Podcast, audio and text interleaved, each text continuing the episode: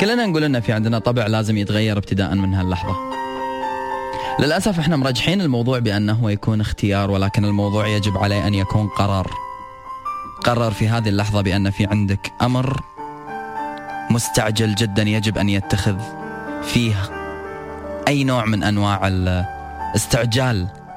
في أن أنت تنفذه. خلاص. ركنا نفسنا على الرف بما فيه الكفاية. وبدينا غيرنا علينا بما فيه الكفاية. حاولنا إن إحنا نصلح أخطاء العيب والغير والكل نقول لهم بأن بس ما يصير. وهذا عيبك وهذا خطأك ولازم يتعدل و و و و. وبعدين متى دورنا؟ متى إحنا؟ وإحنا ندري إن في أطباع لازم تتغير ابتداء من هاللحظة. استجمع كامل قواك العقلية والنفسية والعاطفية وانتصر لنفسك. واتخذ القرار اللي تخاف انك تتخذه لفترة طويلة. والعيب اللي فيك والخطأ اللي فيك والطبع اللي لازم يتبدل الحين بدلة. ما راح تخسر شيء. إلى كل شخص صبور. وصبرك أحيانا تحس بأنه لازم يتبدل. لأن كل شيء لا زاد عن حده انقلب ضده. إحنا صبرنا كان وايد وايد وايد مبالغ فيه. صبرنا بما فيه الكفاية إلين ما انقلب الموضوع ضدنا. كنا نسكت لأن إحنا نصبر نبي نشوف نتيجة هذا الصبر إيش كثر راح يكون في وراها فرج.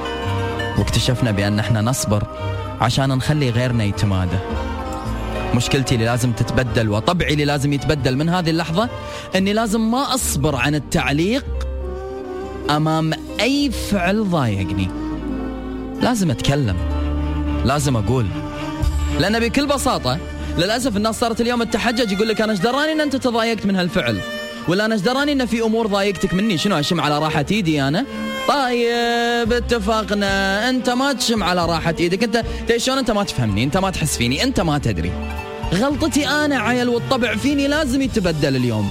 ولازم يتحول ابتداء من هاللحظة. لازم لأن في أطباع معينة إذا كانت موجودة فينا وظلينا إحنا ندافع عنها ونخليها قاعدة تتعبنا أكثر ما قاعد تفيدنا. شوفوا يا جماعة خلونا نكون واقعيين. ماكو إنسان يحب التغيير. والتغيير في بدايتها دائما يكون صعب. لا غيرت بيتك في البداية ما تتعود لا غيرت سيارتك في البداية ما تتعود لا غيرت نمط حياتك بالبداية ما تتعود حتى طبعك اللي انت مصمم انك لازم تبدله بس مو عارف شلون لأنك ما اتخذت القرار بالوقت المناسب.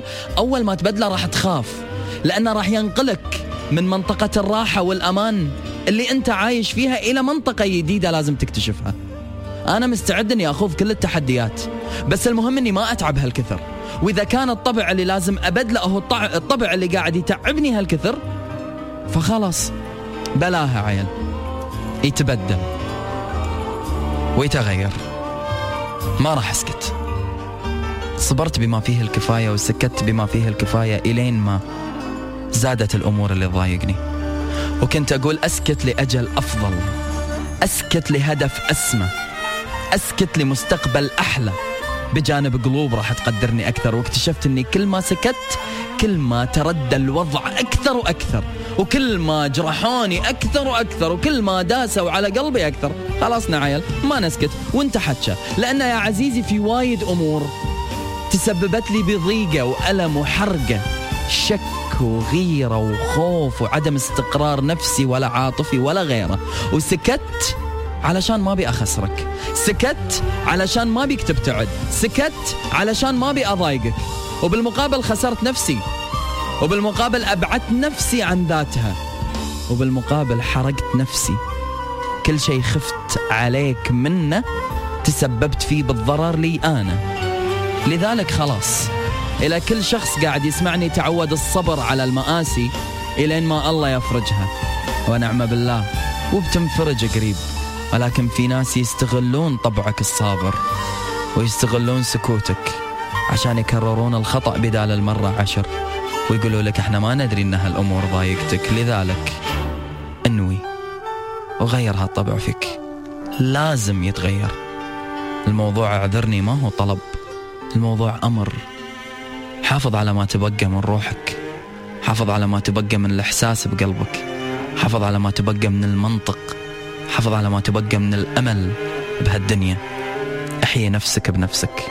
تكلم عن كل شيء يضايقك. اشتر خاطر نفسك واشتر راحة بالك. ولازم توصل رسالة للطرف الآخر. كثر ما أنا خفت أني أنا أخسرك لازم أنت بعد تخاف تخسرني.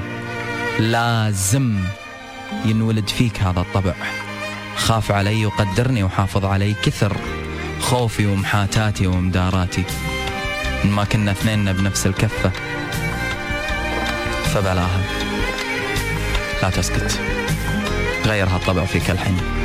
نصيحة. في أمور كثيرة منكم ضايقتني وأنا ساكت. لأجل ما نخسر بعضنا كنت أحاول